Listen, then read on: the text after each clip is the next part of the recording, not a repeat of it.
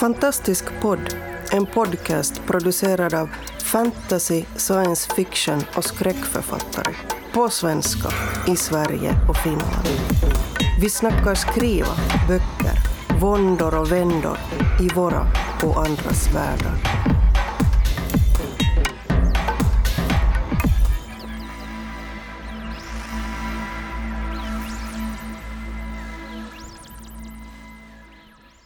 Idag lyssnar ni på Ingrid Thulin. Emma Andersson. Charlotte Cederlund. och mig, Kristina Hård. Uh, hur är det Charlotte? Hur står det till med din deadline? Uh, hur står det till med min deadline? Um, ja, nej, den uh, rusar mot mig.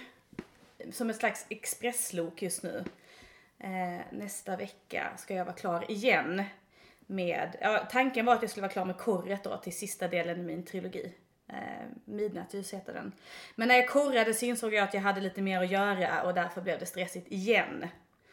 Så är det väl med min deadline. Så eh, hur många deadlines har du haft med den här sista boken? Vilken? alltså jag har alltid ganska många deadlines. Eh, mitt förlag läser tidigt. Eh, de läser första utkastet, alltså de läser i princip ett råmanus, det är min första deadline. Sen så läser de en manusversion till och sen så läser de en tredje manusversion och sen läser de korret. Och hur mycket lägger de sig i din story då när de säg, läser råmanuset? Går de in och pekar med hela handen? Nej, nej Charlotte, här kan du inte ha det. nej, de är faktiskt, alltså i min värld så hade de kunnat få peta mer. Eh, de petar egentligen inte jättemycket när jag skickar in de stora dragen utan det är egentligen mer, ska man säga, en slags diskussionsunderlag för oss. Utan de brukar, min redaktör brukar läsa Eh, och sen så brukar vi ta ett telefonsamtal på en, två timmar då vi diskuterar igenom och oftast har jag då redan en massa förslag på hur jag vill ändra texten. Och så bollar vi de här eh, förslagen och de har såklart lite förslag med men oftast är det egentligen ett sätt för oss att tillsammans arbeta vidare med texten. Så det kommer liksom inte så eh, massa rödmarkeringar och så här tycker de utan mer vi, vi försöker jobba tillsammans. Vet du från början vilka deadlines som kommer att komma sen, eller sätter ni dem efterhand? Jag vet ju, såklart. Eh, alltså jag tror att, eh, alltså man jobbar ju jätteolika som författare. Jag är väldigt deadline-styrd. Jag är ju det i mitt vanliga liv med. Jag jobbar ju som brandingenjör i byggbranschen i vanliga fall. Eh, där vi alltid har deadlines när olika versioner av olika handlingar ska ut. Eh, och jag tycker det, det, funkar bra för mig för jag jobbar intensivare då, det blir bättre. Så att jag vill ha det så när jag skriver. Du gillar deadlines? Jag gillar deadlines. Så att vi brukar sätta oss, eh, vi brukar sätta oss och så bestämmer vi de eh, deadlines vi har i ett projekt. Sen kan de såklart skjutas lite hit och dit men jag brukar veta från första deadline ungefär fram till tryck. Mm. Gillar ni andra också deadlines? Jag har inte arbetat så mycket med deadlines i mitt skrivande faktiskt. Men jag, däremot är jag, alltså jag har varit väldigt van vid att arbeta med det i skolsammanhang och jag, jag har även skrivit journalistiskt en del och där, där skriver man, där är det ju deadlines hela tiden. Jag håller med. Eh, men, men på något sätt har jag nog känt någon slags frihet lite i skrivandet att inte behöva ha det. Ehm, men det är, det är blandade känslor för jag vet ju också att, att ofta har, har ens bättre, bästa material kommit till den där mm. svettiga natten, kvällen innan en deadline. yes. För att man på något sätt har varit tvungen att pressa fram någonting som kanske har tagit en ett halvår att skriva under liksom, resten av tiden. Så det, det är väldigt, eh, kanske borde testa det. Mm. Det är nästan alltid när jag ska lämna in någonting för läsning, oavsett om det är respons i något skolsammanhang mm. eller vad som helst. Någon kurs man går eller bara att man har bestämt med en skrivkollega att nu ska du läsa om två dagar. Då händer det saker. Men jag är nog lite deadline-styrd eftersom jag har jobbat som journalist också. Eh, och då blir man ju helt, det är bara deadline som funkar liksom. Man mm. börjar inte skriva ordentligt förrän man vet att det är, snart är det stopp. Ja, men det, är, lite, lite ett handikapp för mig känner jag. Ja men det är lite den här piskan ibland tror jag som, som behövs. Alltså, för det känner jag när jag, när jag pluggade på universitetet och man hade en vecka på sig kanske att skriva en, eh, en hemtenta. Eh, och då hade man ju de, de duktiga eh, klasskamraterna som började tidigt i veckan och sen var de ju lediga resten av tiden för de gjorde klart det i tid. Jag var som satt kvällen innan liksom eh, och bara åh det kommer aldrig att gå. Men, men sen blev det, alltså det, det är något magiskt som händer där natten innan en deadline. Då bara, då, då är det som att alla idéer bara som inte har funnits där under resten av veckan. Man har suttit och stirrat på samma papper en hel vecka liksom. Och alltså det har verkligen inte gått att få ner någonting. Men då, de där sista skälvande timmarna när allting känns för sent, då bara händer Det är någonting. för att man är fullproppad med koffein och socker. Ja, ja men kanske. Alltså det är kanske det. Är Halv kanske det. två, det är då man går. Ja, exakt. Ja, exakt. Men, men det är egentligen fascinerande för det borde inte vara något bra som kommer ut då. Men det är ofta Det förvånansvärt bra faktiskt. Pressat hjärnan så långt så den liksom Ja, slutar kanske. resonera. Man kan liksom inte tänka logiskt längre Ja. utan det bara kommer en magi Kanske. på något sätt. Jag vet inte. Men jag tycker det är konstigt att, okej det finns ju de då som, som du säger, de som gör det i början av veckan och sen mår de alla andra dagarna och kan ta det lugnt och, och så.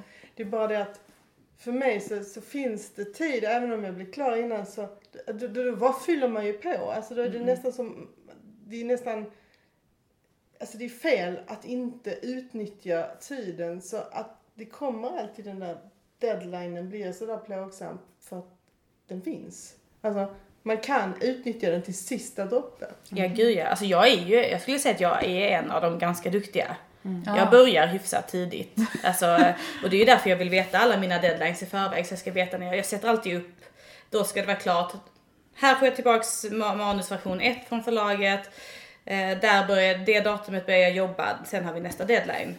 Jag har alltid en jättepuckel precis innan deadlinen då. Jag sitter alltid och svettas på nätterna och sliter mitt hår och sånt. Det spelar liksom ingen roll hur, hur, hur duktig jag är när jag börjar. För att det där tempot som man får mot slutet, det, det går inte att pressa fram det tidigt i processen för mig. Nej men det, det, man kan liksom inte lura sig själv på något sätt. Eller så vi har försökt det någon gång att så här, liksom mentalt tänka att deadlinen är längre, är tidigare än vad den egentligen är, men det funkar inte. Det är som att det, är så här, det, det, det går inte att intala sig själv det, inte för mig Jag försöker ibland hitta system för att pressa mig själv sen. Jag ska skriva si och så många ord och jag får inte sluta innan och sådär. Jag har gjort NaNoWriMo något år. Det Ja, just det. National deadline. eh. Novel Writing Month där man ska skriva 50 000 ord på en månad. Och jag skrev faktiskt 50 000 ord på den Wow. månaden. Men det blev ju inget manus som går knappt jobba med för det är verkligen bara så här. Ja, ni vet såhär intern liksom. Man Alltså, får bara skriva allt. på allt eh, som bara kommer upp liksom för att komma upp i den summan. Men det går ju på något vis att lura sig själv för egentligen var det ingen annan som skulle läsa det. Men jag tänkte, kunde man inte göra så någon gång? Men jag har inte lyckats med det sen med mitt så att säga riktiga skrivande om ni ser kaninöronen runt Ehm, Alltså jag tycker det funkar ganska bra med, alltså när man skriver råmanus, att ha sådana där små korta deadlines. Att jag ska skriva tusen ord på ett skrivpass eller 2000 ord. I våras så jobbade jag 80%. Eh, så jag hade en skrivdag i veckan och målet var att jag skulle skriva 2000 ord den dagen. Och då fixar man ju det. Eh, sen tycker jag att det är svårare när man ska in och börja eh, redigera texten och det är det man gör stora delar av skrivprocessen. Man skriver ju råmanus i, i tre månader och sen redigerar man i 333, känns det som. Eh, men då tycker jag det är svårare att pusha mig, i början i alla fall. För att i början, då ska man, åh, vet, det går så långsamt i redigeringen, man sitter och petar med så pyttegrejer och liksom fastnar på en mening och sitter och stirrar på den hur länge som helst, eller jag gör. Och mot slutet, när man börjar närma sig sin deadline, det är då man börjar få, man börjar få flyt, man börjar få effektivitet, det börjar liksom verkligen hända saker med texten, man ser det ur ett större perspektiv. Och den tycker jag är svår att forcera fram, verkligen. Fast jag tycker det finns olika slags deadline. Eh, som, ja, nu har vi ju, vi, du, du är ju snart klar då med din tri- trilogi. Och jag har- är mitt uppe, eller jag håller då på med sista delen av min trilogi. Och det är en annan slags deadline när det finns förväntningar på en. Ja. Men jag har ju alltid varit sån att när jag har skrivit utan att ha förväntningarna, utan att ha det där förlagskontraktet, när man liksom sitter där med sin, sin lilla sitt lilla projekt och bara liksom har kul. Då lägger jag alltid upp deadlines och jag lägger upp ramar inför skrivandet. Det ska hålla sig inför vissa regler och sånt. Och den deadlinen tycker jag är mycket roligare. Alltså mina egna deadline. Då kan jag vara väldigt driven och säga att det ska vara klart i, si, si och så och sådär. Ehm, och det har jag saknat nu med den här trilogin eftersom det blir en helt annan grej när man skriver en trilogi. Så, så ehm, ja, deadlines för mig kan det både vara bra och dåligt tycker jag. För att som, som jag känner det nu så, ehm, så längtar jag att, förbi att det ska ta slut så att jag kan återgå till det kanske mer förhållandesätt jag hade innan. Men, men sen är inte jag en person eh, som, som alltså historien växer fram i skrivandet. Så jag kan inte säga nu ska jag skriva 200 eller 2000 ord varje dag. För att det är inte säkert att jag vet liksom vart det ska växa åt vilket håll. Eller om det ska Nej. reduceras eller om det ska liksom tuktas om och sådär. Så det är svårt tycker jag att sätta upp just sådana grejer som 2000 ord per dag.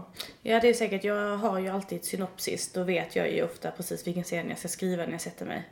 Då är det lite lättare att pusha ur sig den scenen, tänker jag. Jag tycker jättes... Alltså jag har verkligen försökt att skriva synopsis för jag vet liksom det finns många det är som hejar på. Du ska skriva synopsis och, och, och, och pratar om det och så vidare. Men alltså det växer verkligen fram just i orden jag skriver. Så att lösning finns det inte innan oftast. Jag kan Nej. ha de grova dragen men då är det svårt. Då blir det liksom, då blir deadline tror jag mer pressande. Mm. Jo men det, jag håller helt med Alex, jag, jag, jag, skriver exakt likadant. Eller så att jag, jag har också jättesvårt för att skriva ett synopsis innan. Eller så här, det, och det, känns så, så svårt att jobba utifrån en deadline när man inte riktigt vet vart man är på väg. Eller, så här, eller vad, man, vad, man, vad som kommer hända idag och om det ens kommer hända någonting idag. För att man, man vet inte om det är här idag när, när den här scenen kommer komma till. Liksom. För, det, för det vet man aldrig eftersom att man inte vet om den kommer, om den kommer uppstå eller inte. Liksom. Och då tycker jag det är väldigt svårt. Eh, jag har också så här brottats med liksom om, om i så fall en deadline liksom hämmar mig på något sätt. Alltså här att om jag känner mig stressad av att få fram någonting, kommer jag få fram det då? Eh, ja. Och sen är det det med glädjen i skrivandet också. Ja, precis. Jag menar, jag, jag skriver för att jag tycker det är roligt. Alltså jag njuter av att sitta och skriva. Jag njuter av att följa min historia. För, för mig blir det liksom mitt äventyr också. Som jag upptäcker i skrivandet. Mm. Eh, och när jag då försöker mig på en synopsis så försvinner ju liksom försvinner det. Och jag vet att det finns de som skriver som tycker det är fruktansvärt jobbigt att skriva.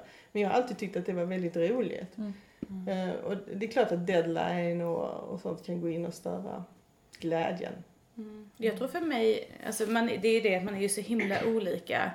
Jag, för mig är ju synopsis, alltså jag skriver i princip åtminstone ett, en mental synopsis om jag ska skriva en novell. Eh, därför att jag, jag hatar att sätta mig ner och, bara, och inte veta vad, vilken riktning jag ska ha.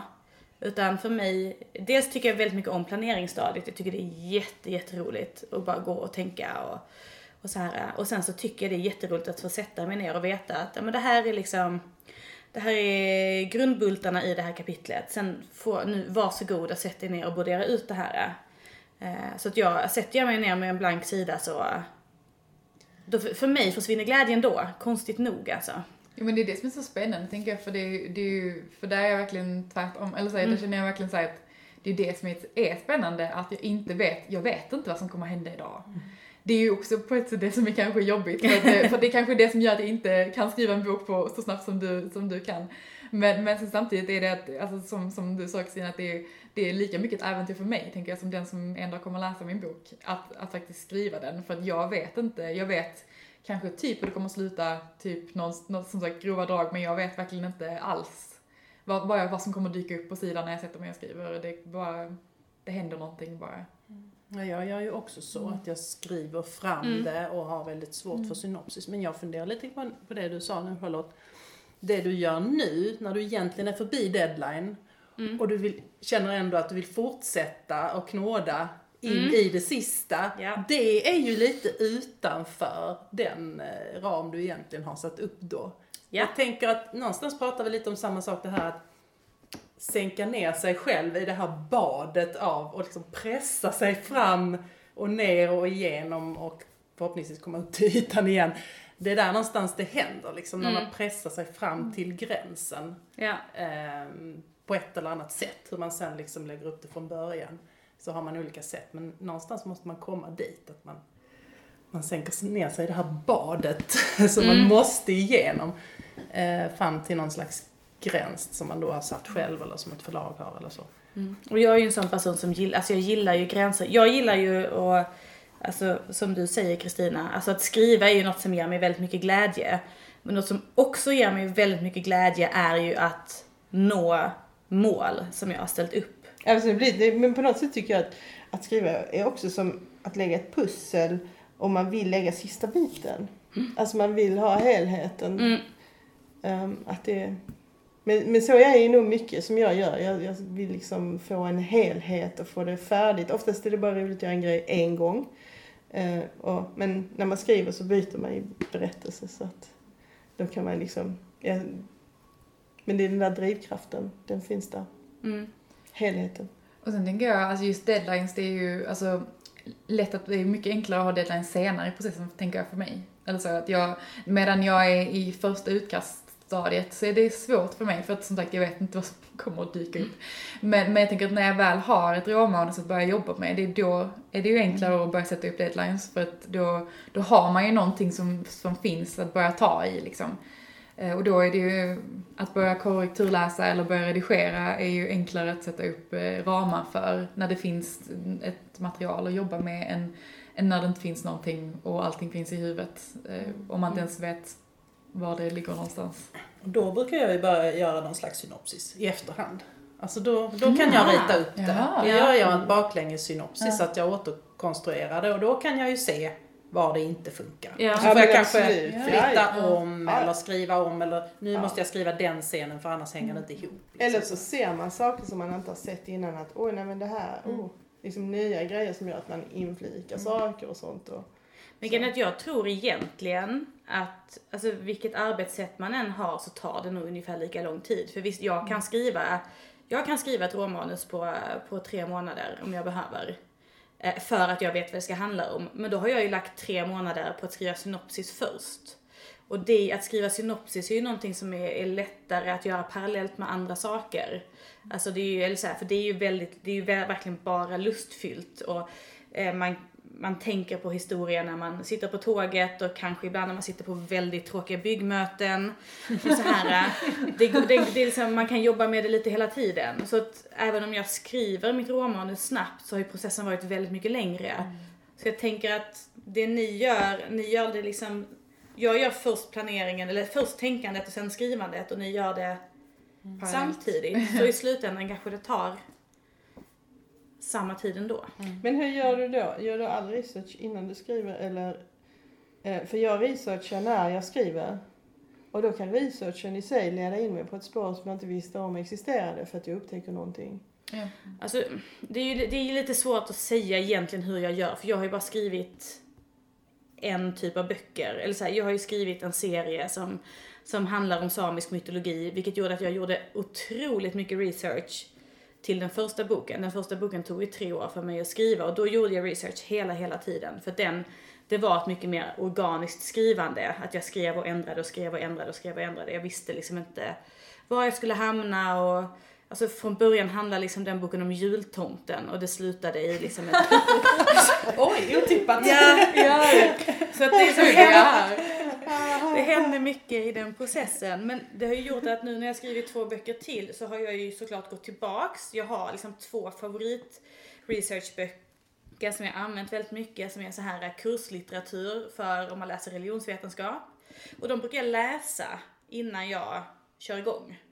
Så läser jag igenom dem igen för det är mina favoriter och sen kanske jag hittar någon mer bok och nu på sistone har det blivit mycket mer google för jag, nu känner jag att jag har så pass bra koll att jag vågar googla grejer och känna Alltså jag har lite bättre uppfattning om är det här en bra källa eller inte. Det kände jag inte när jag, när jag researchade till första boken. Eh, så, så nu gör jag ganska mycket i början och sen gör jag mer research om jag känner att jag fastnar. Men jag vet ju, alltså, jag gjorde så mycket de där tre åren att jag har liksom rejält att ta stöd av. Du har gjort det till ditt eget. Mm, ja, det har alltså blivit så. Sen, det ska bli väldigt spännande för mig att prova skriva en annan bok efter det här. Eh, och läskigt, för att det känns som att jag vet egentligen bara hur man skriver den här typen av böcker. Så jag tror att jag behöver en lite längre deadline nästa gång faktiskt. Eller så kommer du återanvända mycket av din stil. Fast det är en helt annan typ av bok. Så kände jag när jag började på en helt annan typ av bok. Att trots att eh, så, så återkom jag, jag använde saker som jag hade lärt mig i den skrivprocessen fast på ett annat sätt. Mm. Ehm, så det är också ganska spännande hur man liksom gör, gör det till sin, Ja. sitt eget. Men jag tänker så Kristina, du har ju skrivit flera olika, du har både skrivit böcker i en serie och du har skrivit fristående i olika genrer.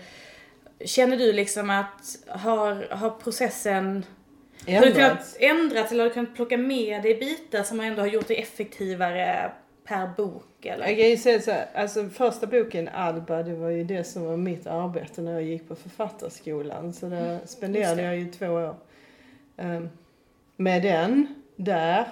Eh, jag hade med mig delar när jag kom dit och jag skrev en del efteråt för jag tyckte inte det innan jag skickade in till förlag. Så att eh, från den eh, processen har jag med mig att man inte ska låta för många läsa innan man är klar för att folk tycker och tror och, och eh, man börjar skriva åt dem istället för åt sig själv. Eller jag Aha. började känna för att de fick läsa en bit och vad ska hända sen och vad ska hända sen och då Jag tänker håller man... fullständigt med vill jag bara flika in. Ja.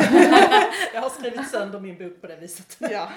Så det lärde jag mig där, att inte någon, jag ska inte blanda in någon i själva processen. Sen när jag skrev Himalaya-breven så eh, fick jag ju för mig att jag skulle skriva hela boken i presens, även tillbakablickar, allt skulle vara presens för att det måste gå.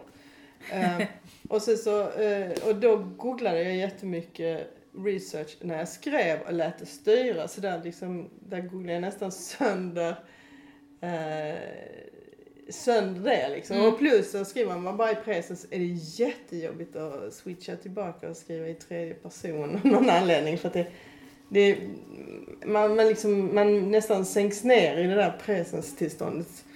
Eh, Det, Wow. det är ett jättebra tillstånd. Ja, jag håller helt med, jag har också skrivit i det. Jo men det, det är väldigt skönt och sådär. Sen samtidigt så eh, Det händer ju här och nu. Ja det händer Det här. blir Man kryper omedelbart. riktigt Mm. nära. Mm. Liksom man är där, kryper nära karaktärerna och sånt där. Eh, så, då, eh, så, så, så jag tror att i de två böckerna så lärde jag mig liksom lite liksom hur man väljer och hur det påverkar en och var man lägger researchen och just där inga personer ska blandas in. Ehm, och sen så när jag då har skrivit de här två böckerna, första böckerna i min, i min i, i Kaiserarvet så um, så har jag nog liksom, ja jag har använt mig av det jag lärde mig och liksom kunnat vara lite friare, tror jag. I, liksom, för jag använder både presens och tredje person. Mm. Och eh, jag eh, har, använder researchen och, och liksom gör om det till mitt eget för att sätta prägel och sånt. Så jag, jag tror jag har lärt mig det. Nu skriver jag ju tredje boken och det känns ju, det, sa du innan när vi försnackade att man Mm. en repetition av det man har gjort innan samtidigt som man ska överträffa sig själv. Ja. För man tävlar med sig själv. Ehm, och jag tror att då har jag nog, så jag har nog säkert lärt mig mycket av ettan och tvåan och misstag som jag inte gör nu i trean. Men jag kan inte sätta fingret på det. Men jag tror, jag tror att jag blir lite mer effektivare för att jag tror det. Jag har ju mejslat fram karaktärerna innan så att jag, de, de är ju även tydligare för mig. Mm. Så jag, jag tror att det Däremot så tror jag att när jag skriver nästa bok igen då kommer jag bli super på att skriva böcker efter alltihopa. Det hade väl varit fint om det var så. Ja, gud. Om man bara Ja. äntligen blev suverän. Man, Så man bara skrev en bok på som sagt tre månader och det var klart. Och det var klart. Man Ja. behövde inte redigera eller någonting, det var bara Men briljant. jag, jag har alltid varit en så, sån stor redigeringsfreak och tyckt om att redigera och, och, och, och liksom sitta där och, och, och, och skulptera om styckena, orden och flödet och rytmen och hållit på med det. Men alltså jag märker ju det att det har ju gjort att nu är jag ju så här att jag eh, gör, alltså jag skriver inga så här råmanus på samma sätt eller first, first draft och sen ska jag sitta och pulla med det. För att jag sitter och håller på med det när jag skriver första nu. Ah, Jag okej. sätter igång redan liksom tidigare i processen Mm. med redigeringsinställningen än jag gjorde innan. Så där har jag förändrats. Mm. Men jag tror det handlar om att hitta sin form Mm. och skriva i och sitt eh, sätt och sitt språk. Och jag känner nog det när jag har fortsatt med en annan bok. Att hur fragmentarisk den första än blev så känner jag att jag kan liksom suga upp lärdomarna jag jag hade där. Mm. Och hitta ett, eh, en säkrare, känna mig säkrare själv i alla fall. Sen om det blir bättre det. Vad ska ni skriva sen då? När ni är Ja. klara med alla hemska deadlines och alla... Har, liksom, vad, är, vad är framtidsvisionen? Det där. Min dröm just nu är ju, jag har ett litet hemligt projekt på gång, men det är ju typ att få en deadline, för jag tänker att det betyder att det har gått vägen. så så det, min dröm är just nu om en deadline. säga. Oh, Samma här. Ett förskott hade suttit fint också. aldrig fel för det nya året i januari. Håller vi tummarna för det. Yes. Ehm, alltså man blir ju lite så knäpp när man är i sluttampen av att avsluta en serie. Så att min framtidsvision är aldrig mer en serie. Det, det, det, det håller jag med om. Så att eh, planen för i år är att eh, nu ska jag ju vara, få barn och vara föräldraledig så jag har egentligen inga jätteplaner just för året förutom lite bilderböcker och sånt som ska komma ut.